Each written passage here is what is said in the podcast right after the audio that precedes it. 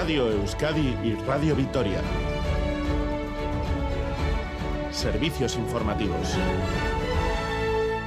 Repasamos los titulares de la jornada con John Fernández Mur, Gabón. Gabón, Miriam, noticias de hoy, lunes 6 de febrero, en el que comenzamos mirando a Turquía y a Siria. Dos terremotos de magnitud 7,8 y 7,5 dejan más de 3.000 muertos y decenas de miles de heridos en el sudeste de Turquía y el norte de Siria. Solo en Turquía las autoridades han informado de 1.762 fallecidos y 11.100 heridos. El presidente Recep Tayyip Erdogan ha reconocido que es imposible conocer cuánto se elevará el número de vidas perdidas. Bölgesindeki pek çok binada Y ha asegurado Erdogan que es la mayor tragedia en Turquía desde el terremoto de Erzincan en el 39, en el que fallecieron 30.000 personas. Hay que tener en cuenta que unos 3.000 edificios se han venido abajo solo en Turquía. Se trata del mayor terremoto registrado en ambos países en al menos tres décadas y además de los dos seísmos, cuatro réplicas han superado la magnitud 6. Y en Siria al menos 1.293 personas han fallecido. En la zona bajo control del gobierno de Damasco se han notificado 593 fallecidos, mientras que el grupo de rescatistas Cascos Blancos han indicado que han muerto al menos 700 personas en áreas opositoras en el noroeste del país. Recuerden que Siria lleva 11 años inmersa en una guerra civil. Escuchamos a un portavoz de los Cascos Blancos, organización de protección civil activa en la zona rebelde del noroeste sirio. It's very difficult task for us. We need help.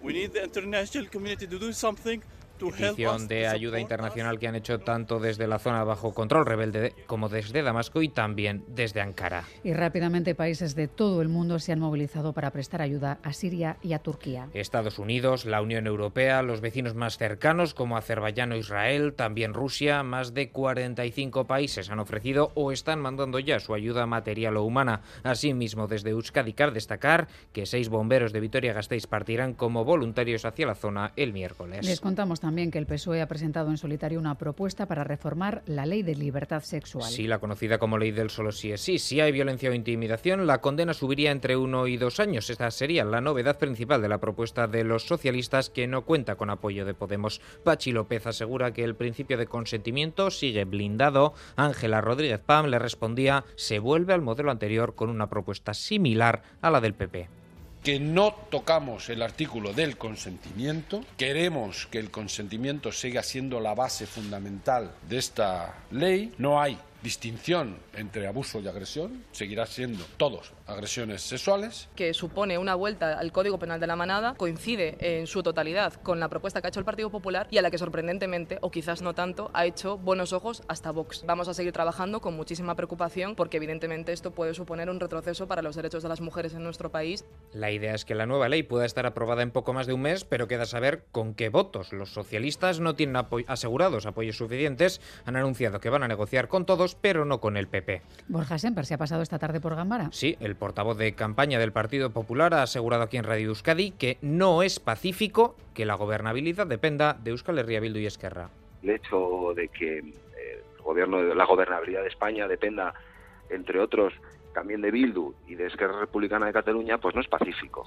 El presunto autor del apuñalamiento de varias personas la madrugada del domingo en una discoteca de Vitoria-Gasteiz ha ingresado en prisión tras prestar declaración ante el juez. La víctima más grave tuvo que ser evacuada al hospital de Chagorrichu, donde permanece en estado crítico. En este contexto, el alcalde de Vitoria y presidente de UDEL, Gorka Hurtarán, ha solicitado más medidas de seguridad en el ocio nocturno, incluidos detectores de metales. Creo que hay que dotar de recursos al personal de seguridad de las discotecas y también creo que tenemos que endurecer mucho la norma para que, como digo, se lo piense dos veces aquel que tenga esa insana costumbre de llevar un cuchillo o una navaja de fiesta por la noche. Un extremo que rechazan desde el sector o sea, cuántos detectores habría que poner, cuántas puertas habría que abrir, o sea, las mismas llaves van a sonar en el detector de metales, cacheos a todas las personas, no sé dónde. El gran problema que hay en, en, el ocio nocturno son los exteriores de los locales. Dentro de las discotecas la gente tiene sus locales controlados, pero lo complicado es cuando estás fuera, cuando estás en sitios oscuros, entonces eso sí genera inseguridad. Así terminamos. Más noticias en una hora y en todo momento en itv.eus y en la aplicación ITV Albisteac. Geruarte.